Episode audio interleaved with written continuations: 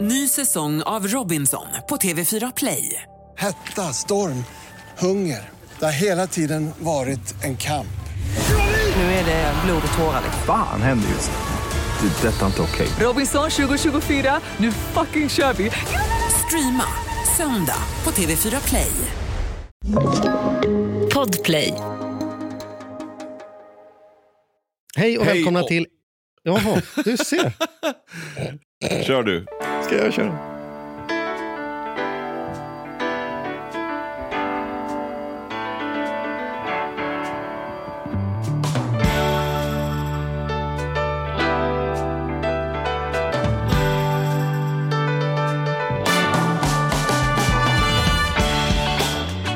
Hej och välkomna till Ekonomi på riktigt med Charlie och Mattias. En podcast som vi gör varje vecka. Den här veckan är vi sponsrade av Klarna som vi har ett samarbete med. Jaha, Säg någonting, Klarna. säg någonting om Klarna. Nej, men jag är superimpad och jag är väldigt stolt för att eh, ha Klarna som sponsor. Vi har ju eh, liksom genom åren får man faktiskt säga nu ändå sneglat ganska mycket på den här typen av bolag. Och som vi har hört i tidigare avsnitt så, så, så är det ju verkligen ett bolag som är pikt, framåt, vill göra så bra som möjligt. Självklart vill de också tjäna pengar, men de gör ett fantastiskt jobb och det funkar ju otroligt bra. Alltså. Jag, ja, men hela deras system tycker jag, när man handlar på nätet, så är ju, gör det så otroligt enkelt. Och att de också tar till sig av kritiken, att de- vill verkligen påminna så att man inte ska missa betalningen, för det är ju superviktigt. Där måste man ju vara vuxen nog och förstå att, att det gäller att betala sina räkningar, och det är ju ingen skillnad när det gäller Klarna. Men de har också blivit bättre på att påminna så att det inte ska bli så att man, nu, att, att man får betala massa ränta i onödan. Så att eh, heja Klarna tycker Hej, jag. jag Klarna. Jag kan berätta att jag hade en häromdagen. Jag beställde eh, nya skedar på nätet. Och så, så tänker jag så här, det här vet man ju inte om de här dyker upp och när de dyker upp. Det är 600 spänn ändå. Så att det var så så här, eh, betala med Klarna. Eh, liksom, eh, den kommer in i appen, bam bam, hur enkelt som helst. Och sen så har det perioden gått. Det är tre dagar kvar. Jag har mina påminnelser som säger det är dags att betala den här nu från Klarna. Och jag har fortfarande inte fått några skedar. Och trycker bara på en knapp som säger så här. Jag vill anmäla denna. Vad är problemet? Jag har inte fått grejerna ännu. Då säger de, då pausar vi den här. Då eh, hojtar när du väl har fått grejerna så tar vi hand om det då. Så jädra speedigt. Mm. Det är som att ha en privatsekreterare man hade på kontoret. Kommer du, har du haft sekreterare någon gång? Jag säger så här, kan inte du bara reda ut det här och återkoppla till mig? Fast jag har Klarna på privatsidan där. Otroligt Mm. skönt. Istället för att jag sitter och betalar pengar och sen har jag inget att komma med om jag, liksom, produkten dyker upp, om det är det jag förväntar mig. sådana saker. Det tycker jag är det stora värdet. Och nu när jag har, ändå får mina påminnelser, bra koll, alltihopa, så underlättar det massor. Så att, eh, jag är, håller med dig. Jag är, tycker att vi med rak rygg kan säga tack så mycket för att vi får eh, åka lite piggyback på deras varumärke och det arbetet de gör. Det får ju oss som, som partners att se lite bättre ut också. Absolut. Jag får bara en rysning när du säger, det är lite intressant här som du säger med sekreterare. För jag har en kompis som, var, som jobbade som sekreterare för, alltså på, nu pratar vi på 90-talet. För en så här, ja men så här, nära sekreterare till en, en hög chef. Och den gubbfan, han, han gick ofta in till henne och sen satte han på en post-it-lapp och sen när hon fick den här den högen med papper på post-it-lappen så stod det fyra hål tack. Det vill säga att hon skulle stansa ut hål så han kunde sätta in papperna i en pärm. Hade det tagit Det- längre det- tid att skriva fyra hål än att bara trycka till med hålslaget? Ja. Exakt. Ja, Men det mm. var liksom, när det var buntar tyckte han väl att det var för mäckigt. Liksom. Så då bara, fyra hål tack. Mm. Och det där sitter, så fort jag hör ordet sekreterare så får jag en rysning av just det skälet. Men men, ja, så, så Mm. Ja, är det. jag fattar vad du men menar. du, Mm. läget annars då? Har du, har du haft en bra, har hur ser hösten ut? Liksom? Nej, men Klarar du av mörkret? Och, Nej, men jag tycker det går jättebra. liksom- Jag bestämde mig i sommar att jag skulle ha högt tempo i höst. Det kan, de som är runt mig kanske upplever att jag alltid har högt tempo, men jag tycker att jag har varit lite soggig de senaste två åren. Det har varit lite för mycket Mhm. liksom, mjukisbyxor och datorspel och tagit lite kunder på uppstuds och lite liksom, jävligt intressanta saker som händer i verksamheten. Men jag har inte gått liksom, jag har varit lite rädd för att gå på full kapacitet. Efter hur det var för några år sedan så var jag aldrig utbränd, men jag kände mig väldigt mätt på att ta ut mig och liksom varit lite rädd för det och tänkt jag ska hålla tillbaka. Jag, jag, ska vänta tills det stora projektet kommer. Då, då ska jag ha lite extra att lägga in. Men nu känner jag att jag har gett upp på det och kör all in och då gör också att den här höstdeppen försvinner mycket. För att jag, jag eh, kör järnet, jag har jättekul, det är fullt med grejer och jag känner att jag dimper ner i fåtöljerna dagen är slut men ah, där satt den. Bra jobbat. Den där bastukänslan efter ett bra squashpass, liksom, när man känner att det, det verkar lite i musklerna på ett skönt sätt. Där är jag i arbetslivet. Så det, det tycker jag är eh, skitkul. Jag känner mig lite mindre mm. förgubbad faktiskt. Det, där är jag. Ja, skönt. Mm. Nog om det Mattias. Det är ju så att du och jag gillar ju podda ihop, men vi har ju också ett, ett brinnande restaurangintresse kan man säga. Eller hur? Ja, det kan man ju lugnt säga. Vi har alltså, gjort det våra ju, Finns det något bättre egentligen än att gå ut och käka och få, få bli serverad riktigt god mat och dryck? Är inte det livets höjdpunkt? Och för mig är det ju, det toppar ju både massage och solstolar och grejer. Att, och framförallt att komma in i en miljö där man känner att det är någon som har en hög ambitionsnivå, som har en stolthet i det de gör. Och när man har lite, den bästa restaurangbesöken tycker jag är, det är när man sticker in huvudet lite försiktigt, som att man inte riktigt vet vad ska hända här. Hur kommer det här smaka? Hur kommer det bli? Liksom så här, jag tror att det är det närmsta jag kommer någon sån här Gröna Lunds eh, sätta sig i uppförsbacken på berg dalbanan som, som 47-åring är det nog liksom en del restaurangbesök man tänker så här, nu blir det resa och det här ska bli spännande att se vad, vad som händer. Liksom. Så där är jag, och du har ju drivit restaurang till och med, eller hur? Ja, det har jag gjort, absolut. Ja, jag driver ja. en som, sommarkrog i mm. Nyköping i tre år. Så, och, eh, nej, men jag, jag, jag, det, det är fascinerande med restaurang. Jag skulle vilja det skulle kunna vara någonting som jag skulle kunna ägna mig åt om ett antal år igen. Mm. Jag tycker dock att det är tufft med öppettider och mm. det, liksom, det, det, kräver, alltså det är tufft, det är slitigt och jädrigt hårt för, skulle jag vilja påstå, alla krögare. Det, och det, det, och här är också, det är ju som klassiker från Mickan i Solsidan. Det är skillnad att man öppnar spa för att man gillar att få behandlingar eller för att man gillar att tvätta handdukar. Så vi ska väl lista ut den här drömmen många har om att driva restaurang eller driva krog. Om det är är det så fantastiskt att, att vara på andra sidan som det är att vara gäst? Och, och Går man och lägger sig med tacksamhet fyra på morgonen över vilka härliga gäster man har eller tänker man ett fullt konferenssällskap till så skjuter jag mig i huvudet. Var, eller är man på både och? Det ska vi titta på idag. Då. Restaurangekonomin. Det, svaret är säkert mm. både och. Vi får se. Kan inte du göra din cirkusdirektör så, så är vi igång. Jo, men då får vi varmt välkomna in krögaren och entreprenören från Örebro, Roger Hjelm. Varmt välkommen!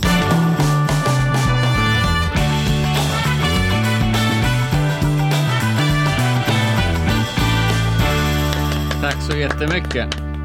Vad kul att ha dig, ha dig här. Det, ja, det är fantastiskt att få vara här. Jag slås direkt av eh, att det är som den bästa känslan att komma in i en restaurang där man kan säga att det finns en känsla som är bättre. Det är att få vara på restaurangen och ge er den upplevelsen. Men är det verkligen så? Säger alltså, du inte bara nej, för att du ska alltså, vara smörigt trevlig alltså, nu? Nej, den, den drogen går liksom inte bra med. Uh -huh. Den nöjdaste gästen, det är en magisk känsla.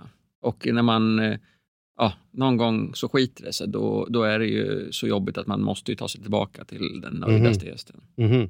Hur ska man bete sig som gäst tycker du, om man är riktigt nöjd? För ibland, och oftast så kan det sitta ihop med att jag har kanske fått en konjak i handen eller en whisky och det är liksom så att man är lite förfriskad. Man mår, man mår så jädra bra. Och så vill man helst kalla in kocken och krama honom och ställa sig upp och applådera och grejer. Men man känner också så att det här är deras jobb. Det kanske är lite onödigt, skitnödigt att min kärlek ska stå för mycket plats. Alltså, så här, hur... Fasen vad härligt det är. Alltså. Det är, det så? Ja, men det måste jag säga. Eller knacka på och komma ut i köket. Mm. Mm, det är uppskattat. Ja, men, och vi har, gör ju det på, man säger, vi har ju, driver ju två restauranger på samma ställe. Då, men att den ena som är lite mer fine dining, det börjar vi ju första rätten ut hos kockarna i köket. Så du har ju redan mm. träffat dem. Och mm. sen så är ju de de som serverar dig under hela kvällen, så ni känner ju redan varandra. Mm. Mm. Okej, okay. så, du, så det, man kan aldrig bli så här too much med att man tänker så här, det här var kanon. Ja, man kanske, Kocken är så här, ja, ja, det vet jag väl. Jag har ju ja. lagat den här i tre år. Det är inte oklart för mig. Att ja, man, man kanske ska sluta prata någon gång så att kocken får gå in och städa och gå hem. Eh, det har väl hänt någon gång man känner så här, fan, nu har det gått en timme. Ja, okay. ja, ja, jag fattar. En av mina upplevelser när man är på restaurang tycker jag, det är att jag, det beror lite på vart man är, men jag, jag brukar alldeles ödmjukt fråga om jag får gå ut och titta i köket. Och mm. ofta får man ju det. Eller jag skulle säga att nästan varje gång jag har frågat så har jag fått det. För det kanske beror att man har man kanske känner själv av om det är lämpligt eller ej. Men då, då brukar också, för jag upplever också att på de ställena där inte kocken går ut med maten så får ju de sällan träffa de här otroligt nöjda liksom, kunderna eller restauranggästerna så att säga. Och de brukar, alltså när jag har frågat om man har gått in och sen, för man är ju ofta knockad och väldigt, väldigt fascinerad. Så, så har jag upplevt ändå att kockarna tycker det är väldigt kul att man kommer in och tittar en liten stund och försöker hålla sig undan såklart så man inte är i vägen. Men, ja, men det, vad, vad, vad, känner ja, du om absolut, det Roger? Absolut, ja, men det är klart att det, det är för er vi jobbar. Det är klart att när man får den feedbacken tillbaka, det, det ökar ju bara på drogen. Mm. Men om jag säger till servitören att det var skitgott, går, går det ut, kommer, går han in i köket och så ropar han då rosor från bord fyra eller är det bara som att det kanske tas på något konferenssamtal att det är många som tyckte om fisken? Eh, ja, jag tror att det för det mesta kommer fram. Ja. Ja, mm. ja jo, det, det jo men det är, för, för, det är det man har känt många gånger tycker jag. Man, att, man, att kocken, eller kockarna då som står bakom. I, för ibland är det väldigt trevligt tycker jag när, när kockarna kommer ut och serverar i den mån de har tid och berättar vad det är på tallriken. Men det är ju oftast servitörens eller servitrisens liksom, roll. Men, men eh, ja, det, det är liksom så här, man vill så gärna få säga det till dem när man är så nöjd. Liksom. Ja, men och sen är det ju fascinerande också att se, för er som inte har sett ett restaurangkök, det är, det är ju otroligt magiskt att titta när det är fullt ställ och se hur kockarna, eller hur ni jobbar liksom, rationellt och mm. får ihop det och hur tallrikarna kommer fram och att de kommer fram samtidigt i varje bord. Och, Ja, det, man, man, vill ju alltid vara liksom en, en, fluga på väggen, för man vill ju som sagt inte vara i vägen. Men det är ett fantastiskt... Eh, ja, men det är en otrolig känsla att stå i ett, ett, ett restaurangkök när det är full fart. Och det är det vi vet om och därför vi då serverar första rätten i köket mm. när det fortfarande då är full service och sen så tar ja, den ansvariga luckan hand om er när ni kommer in och säger mm. hej och presenterar de andra och berättar vad ni får äta. Så får ni stå och titta lite grann när det, det går ut en massa rätter ur köket. Mm. Ja, coolt. Det är som att se Sovjet spela hockey 1982. Exakt. Bam, bam, bam. Sånt jävla Det måste vara så. Nåväl, hur började den här resan Roger? Om vi ska ta det från början, för du är ju inte född krögare, eller hur? Nej, inte alls. Någon dag fick du bara så här, slog det slint liksom och så gick du in på den här kamikaze-grejen, eller hur var liksom resan fram? Ja, men resan fram var ju att släkten hade en stor VVS-grossist. Där, ja, det är ingen följdfråga. Det var självklart. Då ja, fattar man, ja, ja, fattar man hur det blev fine dining. Ja, eller? exakt. Ja, men, eh, och jag hatar den där bananskалsresan. Alla såg framför sig väl att jag skulle ta över det där på något sätt. Och jag gillar det inte alls. Mm. Däremot gillar jag att åka skidor. Och eh, lyckades se en dokumentär på tv om två killar som reste runt i världen och åkte skidor och jobbade som kockar på kvällarna. Så att eh, mm. helt enkelt, jag blev, jag blev myndig och bestämde själv. Gjorde en eh, snabb kockutbildning och, och drog till Alperna. Och målet var inte att bli någon bra kock, utan målet var att få åka så mycket skidor i Definitivt. Sen så upptäckte jag ganska snabbt att dels att jag hade en talang och att jag tyckte det var kul. Men fortfarande var ju skidorna det som drev mig framåt. Helt klart. Och jag kanske såg till att jobba så lite som möjligt för att åka skidor så mycket som möjligt. Hitta andra sätt att överleva. Jag liksom hyrde ut golvplats i lägenheten och så var det liksom den lilla restaurangen att jag fick kvällsmat på köpet. Det kom, in, kom ner jättemycket folk till Alperna som inte hade eh, skaffat någon boende där på mitten på 90-talet.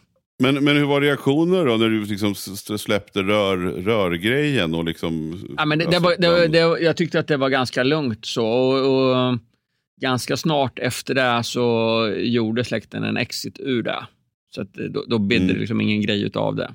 Och sen Nej. så var jag borta så jag har ingen aning vad de höll på med där hemma egentligen. Mm. Byter du blandare själv hemma fortfarande om det nej, behövs? Eller? Nej, nej, nej, det gör jag inte.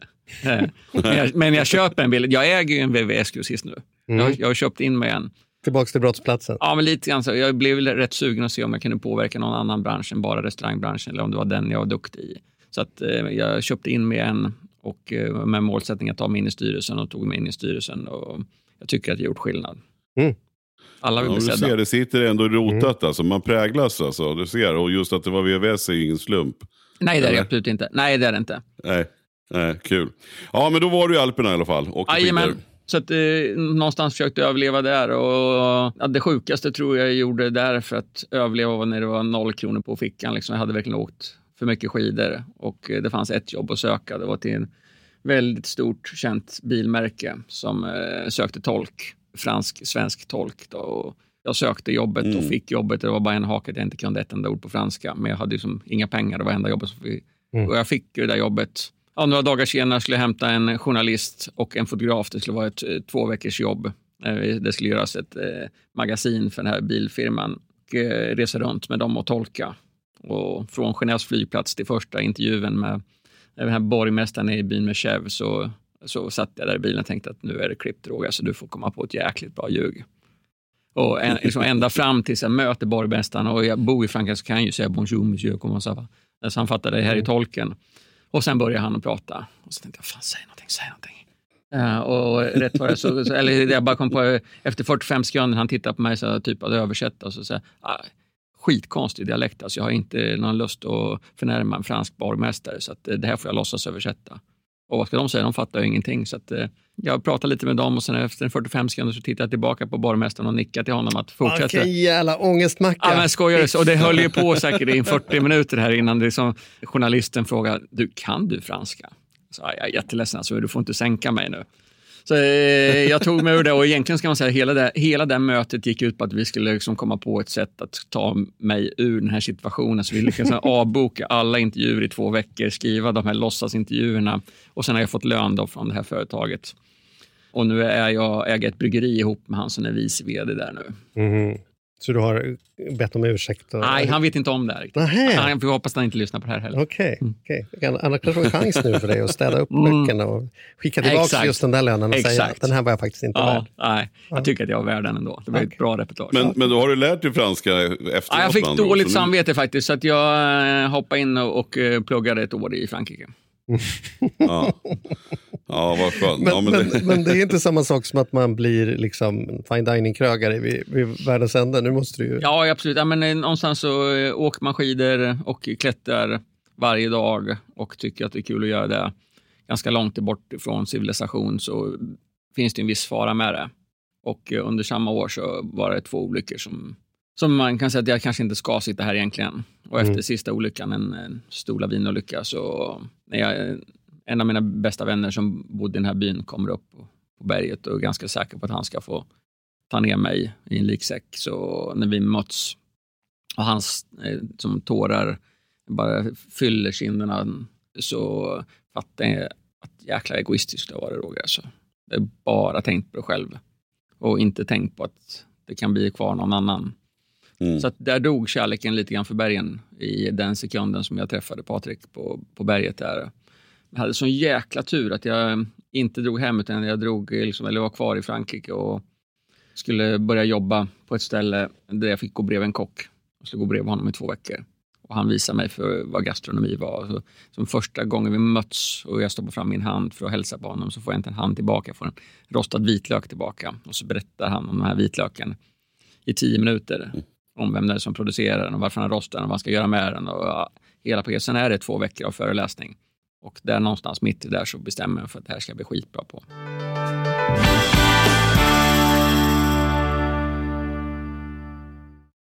Den här podden gör vi även den här veckan i samarbete med SaveLend. Fan mm. vad kul det är att ha dem med ombord. Mm, jätte, jätteroligt. Ja, vi brukar prata om att man har något band som man såg jag stod Bo Kaspers jädrigt tidigt liksom, innan man gjort tv-debut. Och du har något hårdrocksband som du var jävligt tidig på. Ja, alltså jag var på, på Lilla Teatern Göta Lejon och såg Metallica ja. 1984. Så gammal är jag. Och jag var i kontakt med Saveland när det fortfarande var typ tre, fyra personer där från mm. början. När jag fick möjlighet att träffa dem. Eh, och nu är de ett stort bolag, fyller tio år, finns på börsen och jobbar helt enkelt med att vanliga privatpersoner och företag kan investera pengar eh, i eh, lån och krediter. Mm. Så man får riktigt bra ränta. Så eh, det rullar på efter tio år. Bättre än någonsin. Fantastiskt kul att ha dem med här i podden. Mm. Gå in, testa, kolla. Vi ja. har en kod som gör att om du öppnar ett konto och använder på riktigt får du dessutom en insättningsbonus just Precis, och vill man veta mer så som sagt gå in på saveland.se. Man kan också lyssna på Ludvig som har varit gäst i vår podd två gånger. Får ja. man en ännu bättre inblick ja. i vad, vad det är de pysslar med egentligen. Men eh, ja, saveland.se och stort tack. Ny säsong av Robinson på TV4 Play. Hetta, storm, hunger. Det har hela tiden varit en kamp. Nu är det blod och tårar. Vad fan händer just nu? Det. detta är inte okej. Okay. Robinson 2024, nu fucking kör vi! Streama, söndag, på TV4 Play. Ett poddtips från Podplay.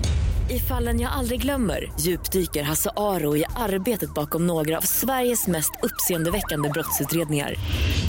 Går vi in med hemlig telefonavlyssning och, och då upplever vi att vi får en total förändring av hans beteende. Vad är det som händer nu? Vem är det som läcker? Och så säger han att jag är kriminell, jag har varit kriminell i hela mitt liv men att mörda ett barn, där går min gräns. Nya säsongen av Fallen jag aldrig glömmer på Podplay. Och då, men då var du kvar i Frankrike alltså där och Ja, jobbade fast- du kvar där? Nej, jag, Hur- hur jag, långt- nej, men jag nej. bestämde mig ganska snabbt att jag ska starta eget. Mm. Och, Och eh, varför gör man det då? Vad är skillnaden mellan att liksom vara kock är ju liksom ett hantverk och en konstform. Mm. Att driva krog är ju ett entreprenörskap. Ett för, det, det är ju, för mig tänker jag att i de flesta branscher säger man bara för att man är duktig säljare betyder inte att man blir försäljningschef. Och det borde vara samma sak här. Bara för att man är duktig kock betyder inte att man blir någon bra inte. restaurangentreprenör. Nej, liksom. och, och det är... det, jag tror jag liksom kanske det fanns i mig att jag ville, hade egna idéer och, jag, och vad jag ville göra. Och jag ville, alltså, och jag hade ju inga pengar här heller. Eh, Jag var ju tvungen på något sätt att, att hitta på någonting om jag skulle starta eget. Så när jag flyttade hem kunde jag bo hemma hos mamma och pappa. Jag hade 2500 kronor. Jag kunde investera i ett värmeskåp och hitta en kille som också kunde avvara 2500 kronor och köpte ett värmeskåp. Och sen hyrde vi in oss på en, en nattklubb i Örebro där eh, vi kunde utnyttja det här köket på nätterna. Och sen så gjorde vi förberedelser och kunde åka ut med catering på dagarna. Så det började med att du lånade ett kök, stod hela nätterna, körde grejerna i värmeskåpet, sen caterade ut dem på dagarna. Ja. Och när är detta då? Det här är eh, typ 2000, skulle jag säga. Att det. är. Mm. Nej, det jag ljuger. Det är tidigare. Det är 97. Kanske det. Och tänkte du då att det här är bara början på något stort eller tänkte du att eh, Ja, men, fan, ja, men it, liksom? i, tittar man på vår gamla affärsplan så står det som att vi ska bli Sveriges bästa cateringfirma. Mm. Och vi hade som en tydlig plan att vi skulle starta en matstudio, vi skulle laga mat ihop med folk, vi skulle alltid vara med på catering. Vi skulle inte åka och lämna ett värmeskåp och sen så dra vidare till nästa. Utan då var vi med som kock och servitör på stället. Och sen så hade vi liksom tur i oturen att på den här eh, nattklubben där vi stod på nätterna så hände det jäkligt mycket konstigt. Man får tro vad man vill, men man, det, det var steg som kom och gick och det var nyckelknippor och vattenkran slog på bredvid. Och efter ett halvår så här, då vågar man inte som... Jag behövde jag gå och kissa? Så sa jag, Ronny, jag behöver gå och kissa. Ja, jag får det med, för jag törs inte vara kvar här. Så att, eh, och då började vi skämta. Tänk om man skulle skriva en bok med mat och spöken i kombination. Och vi hade fortfarande inte pengar att göra en bok, men att göra en bok på låtsas kostar ingenting. Så vi skrev liksom kapitel på kapitel när vi kom på något nytt. Och så pratade ofta om det där. Och en morgon efter jag gjort en catering kvällen innan så blir jag uppringd av en kvinna som säger att jag hörde om er bokidé. Jag gör böcker, ska vi göra den här boken? Och två timmar senare så sitter vi på hennes kontor med massa folk och ett kontrakt framför där de har kommit på namnet då, gastronom. Oj. Ett halvår senare så blir den här utsedd till världens bästa kokbok. Mm. Och helt plötsligt slutar inte telefonen att ringa. Ja, det är, det är cateringuppdrag över fasen hela världen som vi får åka och göra. Och, och skithäftigt. Men sen så gör man väl samma misstag som man gjorde på berget här, att man tror att man är bäst i världen bara för man har gjort en bra bok och att man kan driva vilka företag som helst. Så vi slängde oss in i matpåseföretagsbranschen där, där jag precis kom med Middagsfrid var först ut tror jag, i Sverige och jag tror att vi var som nummer två, Bra Mat Hemma. Riskkapitalbolagen hörde av sig omedelbart. Så gjorde, sålde en del där och det blev lite knas och startade restaurang, skulle vara fine dining i lilla Örebro, försöka få örebroarna att äta sju rätters lunch. Mm. Vår revisor skrek stäng lunchen, sparka personalen och vi liksom, nej men det är så här man äter. Du ska lära dem att äta och det ska vara lika många kockar som det är gäster innan man börjar som fatta att det finns inga pengar kvar. Mm. Mm. Alltså, vi, det var antingen så var det att sätta företaget i likvidation eller hitta en köpare. Så att eh, efter ett halvår så utan lön så hittade vi en köpare. Och samma söndag som vi sålde så kommer hem och öppnar en flaska vin så ringer på min telefon. Jag svarar Roger Hjelm och personen på andra sidan säger ursäkta, du har ringt fel. Ja, jag har inga problem. Så, är inte du som är han kocken? Jag vet inte om det är jag som är han, men kock är jag. Och då ringer de från Katrinelund och har bestämt sig för att de ska sätta Katrinelund på en Sverigekarta gastronomiskt. Men ska ringa någon annan? Ja, ska ringa någon annan. Så eh, slumpen förde mig dit kan man säga. Det låter ju Vad helt... häftigt. Och, Otroligt. och, och, och är det liksom, är det, är det en känd, eh, alltså Katrinelund, är det, är det Nej, alltså, välkänt det- i Örebro? Som, Nej, alltså då var det inte det. Det, det började med en, en tokig entreprenör som kanske egentligen var mer sugen på att festa på lördagar med resten av bönderna där ute. Så skapade väl en Mm. sjöbod med fyra platser och något tält utanför. De stod och grillade lite grann. Och min nuvarande kompanjon köpte sommarstuga där och hade lite pengar över så han köpte in sig och byggde ut det. Och, och sen så gick de i, isär så att min kompanjon blev kvar och sen var då de ringde fel till mig. Mm, Och hur länge sedan är detta? vad häftigt. Eh, det är tio år sedan. Och vad tänkte du då? Tänkte du det här, nu, nu, nu har fått en chans till eller tänkte du vi får se hur det går? Eller var, var det aldrig Det låter ju som att det finns flera punkter här där det har varit högst rimligt för dig att berätta. Så därför jobbar jag som förskollärare nu. Ja, exakt. Ja, men jag hade ju bestämt mig för att jag skulle, liksom, när jag sålde att jag skulle sluta den här branschen. Jag skulle ja. bli en bra man, en bra pappa och komma hem halv fem. Ja. Men som du är så har jag en klok fru. Så att, uh, efter sa, jag vill inte ha dig hemma? Eller? Ja, precis ja. så är det. Men mm. Eh, efter det här första mötet som jag hade med dem, där jag tänkte liksom att jag hatar ordet nej. Men jag tänkte att jag måste säga ordet nej nu. Och, men jag kommer hem från mötet och Jenny frågar, ja, hur var, var det där? Ja, så den största idioten jag någonsin träffat. Så jag, sjuka planer och de planerna är givetvis min dröm. Men det, det, jag hade ju som lagt det åt sidan. Men hon sa, vi åker ut och tittar var ligger. Så, och då var det som en stor byggarbetsplats som ligger efter Hjälmaren där och det var bara lera och sten. Och, det är som en film med huvudet, de går och sparkar på den där stenen och sen rätt vad drar de på en riktig spark på en sten och så tittar de med ögonen och säger, jag vill fan inte ha hem dig klockan halv fem på dagarna. Jag tror du bara kommer vara grinig då. Mm. mm. Vad häftigt. Och, sen, och, och, och, där är du. Där, där är resan. Men det har uppenbarligen gått bra då, tänker jag. Ja, men det har det gjort, absolut. Alltså, och, alltså äger du det här stället ihop med din kompani? Alltså är ni ja, två exakt. som äger det här? Det är två som äger ja. det.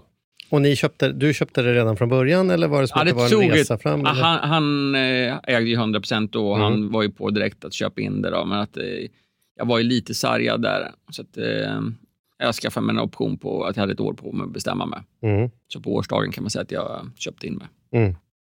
Mm. Hur har det gått då? Alltså hur, ja, nu har vi, om vi exkluderar pandemin, för det vet vi ja, väl ja, alla men det, det, det har ju varit en fantastisk resa tycker jag vi har ju verkligen fått människor att resa till oss, vilket var ett stort mål.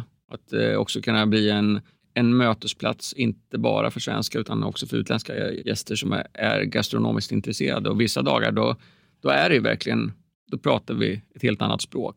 Så det är skitkul. Mm.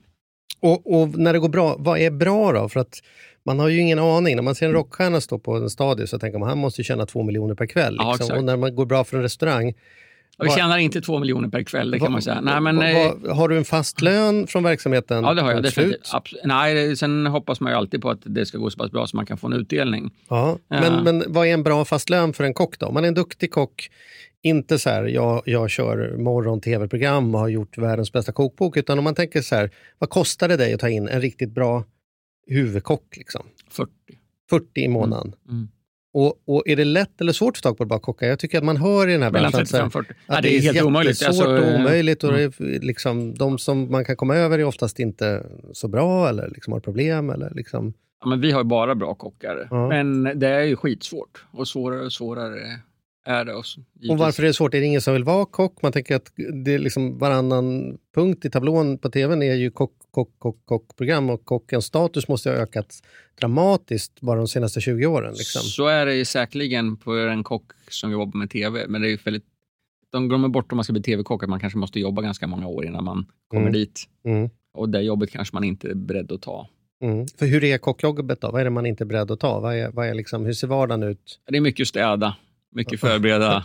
Eh, det är väldigt lite eh, hockeymatch om man säger så, att matchen när gästen väl är där. Ja. Man måste ju orka ju göra det andra jobbet också. Sen så försöker vi, försöker och försöker att inte jobba så långa dagar. Men eh, i år har det, det skitit sig totalt för mig i alla fall. Vad är, en, vad är en vanlig dag? Hur ser en vanlig dag ut? Ja, I sommar ja, men, typ mellan åtta, halv nio och kanske då hem vid ett, halv två på natten. Jobbar man mellan 8 halv 9 på morgonen till 1 på natten, då ska man ju säga att 40 000 är ju för många människor en bra lön. Men ja, men det är, säga, timlönen de har ju förhoppningsvis, eller de har ju inte jobbat de passen, utan Nej. jag har fått tag i. Nej, Nej så är det klart, det blir ju så när man är egen. Mm. Och, och, när man gör det och det går bra för en restaurang, mm. hur bra går det för en restaurang? Därför att jag tycker ofta man ser restauranger som ja, men det står i tidningen och de vinner priser och det här får man inte missa och sen två år senare så hör man att de går i konkurs eller tvingas mm. lägga ner. Så det verkar för en restaurang att den kan gå till synes vara liksom framgångsrik som restaurang, men som affär verkar den knappt gå ihop sig i alla fall. Liksom. Och Det är kanske därför också vi har två restauranger. En restaurang som är den publika restaurangen där vi kan alltså, ha fantastiskt bra råvaror, men vi kan också servera väldigt, väldigt, väldigt många människor mm. under en och samma dag. Mm. Och sen har vi den lilla fine dining-restaurangen som kan sätta oss på kartan där, där det är svårare att tjäna pengar eller på gränsen till trots att, trots att man betalar mycket mer som gäst så är det så pass mycket mer jobb ja, i relation till hur många gäster man har. Att det är svårt.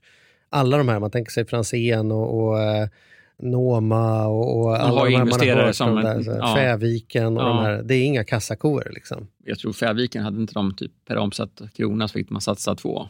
Ja, ja.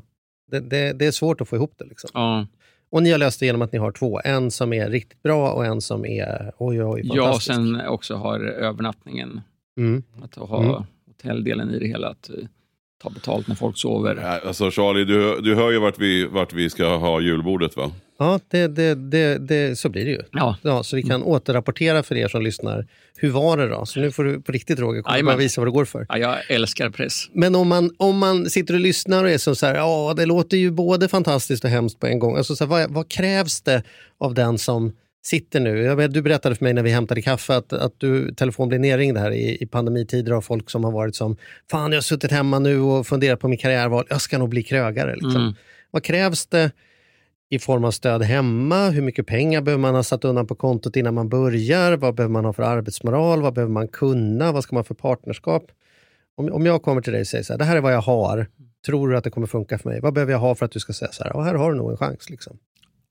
Det beror kanske på hur stor restaurangen är, men alltså att det kommer ju ta ett par år innan du kan tjäna en krona, det skulle jag tro. Så man behöver kunna se sig själv leva utan lön i två, tre år. Så nu ska jag säga att jag driver ju också en restaurang mitt ute i ingenstans. Det är kanske skillnad om du startar en restaurang mitt inne i Stockholm. Den, den kunskapen har jag inte. Mm. Det är klart, är den full från start så är det klart att du tjänar pengar. Mm. Eh, Och om du tar rätt betalt. Men det är ett hårt slit. Det, det är ju ingen snack om sak. Och de som hör av sig till mig, de har ju då kanske i pandemin flyttat ut på landet. Mm. Tänker att här vore det perfekt. Vad kul det vore att ha en liten krog Mm. att gå till. Mm. Och sen ser de vad vi har gjort och sen så kontaktar de mig och tänker att ja, men vi kan göra en krog till. Och den tiden finns inte riktigt för mig att kunna öppna ett Katinelund till. Jag behöver vara mina timmar på Katinelund. Mm. Mm. Men, men du känner, men är det inte så här, vad skulle hända om du, är det ändå inte målet då att du skulle kunna, liksom, att du, du har ju duktiga kockar, vore inte målet att du kunde vara den som åkte bara runt och hittade inspiration och kunde kanske hjälpa lite andra krögare och att det här gick av sig själv? Liksom. Jo, det är ju ja, en, en, Mellan, mellan den första och fjärde varje månad. Ja, Ja, jag tänker så här, en, en bra business borde ju inte bygga på att du måste vara där tio timmar. Nej, och, och så, alltså, sen kan man säga så här, att för en vecka sedan så anställde jag min, eh, en driftschef och eh, jag har också en VD sedan tidigare. Så Mm. att nu har jag ingen roll längre. Så att i, teorin så skulle det funka så. Om jag och Mattias vill ta med dig på en skidresa nu, då, då, då är det, Absolut. Då, då är det Då- möjligt. Det är ja, inte som att det går inte stänger för jag vi har krogen. julbord. Liksom. Ja, nej. ja, men så, du, du, du, nu, kan du, nu kan du lämna verksamheten och kvaliteten håller sig i två men- veckor i alla fall. Ja, men liksom. kvaliteten är jag inte det minsta orolig över. Nej. Den kanske till och med liksom att... Eh, Ökar. eh, ja, det ska jag inte säga att den ökar, men att eh, de, de, jag har ju två kökschefer, jag Mm. har, har ju restaurangansvariga, så det är inte det minsta, eller som det är inget problem att kvaliteten skulle, de är så jäkla noga. Mm. Så det är nog kanske, alltså mitt jobb nu är väl någonstans att få det här att bli den, den gastronomiska mötesplatsen som vi vill att det ska bli. Mm. Mm. Och då kanske det skiter på att jag åker skidor mer. Okej, Mm. ja, bra. Så det är flera, vi har både julbord och skidresa. Ja, exakt. Nej, men det där är ju, det där Ja. är ju intressant. Jag måste också säga då som, som har bott på, på landet, mitt, alltså jag bor, har mitt sommarställe mitt i Sörmland, 10 mil från Stockholm. Och jag, jag, det jag tycker är så häftigt, dels på grund av pandemin, men kanske även tidigare, att det pluppar ändå upp liksom det är inte bara Stockholm man kan äta riktigt bra mat. Liksom, utan det, det, det startar liksom olika små värdshus och gästgiverier och, och, och fik. Alltså mycket fikastugor så där, som man har åkt runt på nu. Så att det känns ju ändå som att det finns ambitioner runt om i landet och att man kan få riktigt bra saker ute på vischan. För att det upplevde jag för kanske för 10-20 år sedan som är uppväxt i Nyköping. Att maten var ju så, så jävla dålig på restaurang så det var väl därför man var duktig själv på att laga mat. För att det, det, var, det var liksom oduglig mat på restaurangerna. Och sen, jag menar, liksom en, en lunchrätt i Stockholm var ju ofta liksom bra, bra mycket högre klass än det som kallades fine dining i Nyköping i alla fall.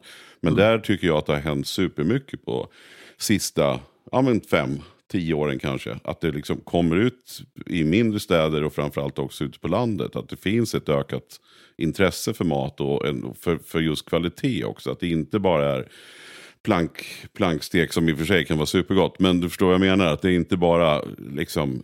Jag tror att medvetenheten typen. om råvarorna har ju blivit mycket, mycket större. Och, och någonstans Ja, är en och god mycket ekologiskt, närodlat. Absolut, absolut. Och det är ju våran fördel att, att ligga där vi gör. Att Vi har ju fiskebåten som rullar ända in i restaurangen. Vi har producenterna som kommer med grönsaker på morgonen. Vi vet ju oftast inte vad vi ska ha på tallriken förrän de har levererat grejerna. Mm. Ja, häftigt. Och vad är Hjälmarens guld? Liksom? Vad, vad är, vilken ja, det, det, Jag måste säga Hjälmargösen. Ja. Det är också världens första miljöcertifierade insjöfisk. Mm. Vad, vad, betyder det? det? det? är väl hållbart på alla möjliga sätt. Liksom. Det finns inget kvicksilver i den, det finns ett bra bestånd, den fiskas på ett bra sätt. Så, ja, det är superhärligt och vi, vi kan ta emot ungefär åtta ton på en sommar. Oh, Oj, men får vi, någon, får vi någon gös på julbordet? ja, det är klart du får det. Jaha, okej. Okay. Mm. Julgösen. Jajamän. Men lutfisk då? Lutfisk blir det också. Ja, det är viktigt tycker jag. Mm, ja. Ja, den, den traditionen. Vad, vad häftigt. Men, mm. men då har ni också övriga lokala producenter. Jag kan tänka mig att det måste finnas mycket runt om. Sådär, att man kan, ja, jätte, mycket, det är mycket bönder runt om i Örebro. Det är ju stora slätter och mycket marker och grejer. Ja, och sen så alla, alltså vi kan skicka ut på våra sociala medier att nu, nu behöver vi ha kantareller. Ja, då dundrar det ner massa kantareller till oss, eller rabarber eller vad nu vi, vi söker för någonting. Så att, eh, det finns ju som sagt mycket folk som bor på landet som vill bli av med grejer. Eller tycker det är kul att ja, häftigt. Ja, ut och plocka. Och vad, men, men nu då, jag hör ju nu att du säger att du är någon delägare i bryggeri, du har gått in i VVS-branschen igen. Vad, vad är, hur ser det ut framöver då? Vad, du håller på liksom, du kan inte riktigt låta bli känns det som. Du känns som du har nya idéer och du har svårt att säga nej och, och verkar vara otroligt driven. Vad, hur ser det ut om tio år? Vad, vad gör du då? Eh, ja, Katrinelund är definitivt kvar. Om tio år så, så vill jag nog ha ett, ett lite lugnare liv. Jag, vet, jag tror inte att det kanske mm. blir så, men det, det, min målbild är att det ska vara lugnare. Att jag, det är livslögnen. Ja, Snart. Exakt. Ja, men att, eh, ja, men kanske åker lite mera skidor igen och ja, men har det riktigt, riktigt bra. Mm. Mm. Men jag har gissat och driver en restaurang eller något annat i fjällen. Mm. Jag tittar på den redan nu. Mm. vad häftigt. Ja, to be continued. Vad har, vad har du för tips då att ge? Du, du har ju två barn själv, men ja. vad, vad, är ditt tips då? Som, vad, vad, har du tagit med dig från din resa? Liksom? Om du ska säga till lyssnarna här, för vi har ju många vi är en ekonomipodd, vi har väldigt mycket ekonomiintresserade såklart som lyssnar. Vad, du är ju en sann entreprenör känner jag. Vad, vad, vad har du för medskick? Liksom? Vad är dina tips? Att våga. Våga misslyckas, våga och våga ta chansen när den kommer. Det går inte att säga sen att fasen att jag inte tog den. Ta den. Och tar du chansen, bestäm en tid som du ger dig chansen. Att, eh, bestämmer vi till den 15 oktober, då är det 15 oktober som gäller. Funkar det inte då, då, då släcker vi det. Mm. Mm. Just det, tydliga spel. Mm. Antingen, du behöver inte sitta och försöka lista ut om det går. Jag provar Nej. och så vet jag, här kollar mm. jag. En av mina favoritcitat som jag plockat upp någonstans på vägen det är att bra möjligheter dyker nästan alltid upp som dålig timing. Ja, exakt. Att det dyker ja. upp som så här, oh, fy fan, det är precis, men det är två år för tidigt. Ja. Eller det är sex månader. Och då får man bara konstatera att det kommer all, liksom, nu, den kommer nu. Ja, Antingen exakt. får du ta den nu, mm. eller så kom den inte. Istället för att sitta och vänta på, nej jag ska vänta tills det passar lite mm. bättre i mitt liv. Liksom. Ja. Och, och, så var det verkligen med det här bryggeriet. Mm. Att det kom in på ett bananskal. Tänkte du, ja, men inte nu. Ja, precis så var det. Men sen så var man kanske lite för snäll. Man tänkte i början, fan sa jag till nu då. Mm. Men eh, vilken fantastiskt rolig resa det är nu. Säljer det i hela världen. Och, och vart ligger bryggeriet? Är det i Frankrike? Eller? Nej, nej det bryggeriet ligger i, i, eh, just nu i Nora, men är på väg att flytta till Örebro. Vi får inte plats i, i Nora riktigt längre. Mm. De börjar klaga på alla lastbilar som kommer. Men vad gör du i bryggeriet? Du står inte och, nej, det, nej, harvar det, malt och grejer? Nej, jag gjorde det där en gång ett företagsjobb som jag var där och gjorde och sen sa bryggkillarna till mig, vad du än gör Roger, brygg aldrig mera öl här. det, var, det är skitskönt med tydlighet. Men du måste ju göra lite reklam. Vad, vad är det för öl ni gör då? Alltså, vad, Apex heter det. Apex Brewing Company. Hittills har vi liksom varit en väldigt modern form av IPA. Alla ölnördar vet, tror jag, i Sverige vad Apex är. Mm. Mm. Alltså, fan, det är en bra, vilken drömgäst vi har. Hör du det Charlie? Börjar, börjar kännas mindre och mindre som podd och mer och mer som att vi borde klunka upp. Exakt. Ja. och då får man, då får man en, en, en Apex till julbordet, det hör jag det. Ja, skojar du? Ja, ja vad mm. häftigt. Ja, men härligt, då har vi bokat det. Vi ska ta fram kalendrarna mm. när vi stänger av mikrofonerna och det är nog dags för det va? Vi ska, vi ska ja. lämna in uh, hatten, eller vad heter det? Slänga in handduken. Ja, precis. Mm. Nej, jag blir inspirerande att höra dig Roger. Jätte, jättekul. Och vad, vad kul att du ville komma och gästa oss tycker jag. Tack så jättemycket för att jag fick komma. Tack så mycket för idag. Tack. Tack för idag. Ses om en vecka. Eller vi hörs om en vecka Charlie. Ja, vi hörs mest.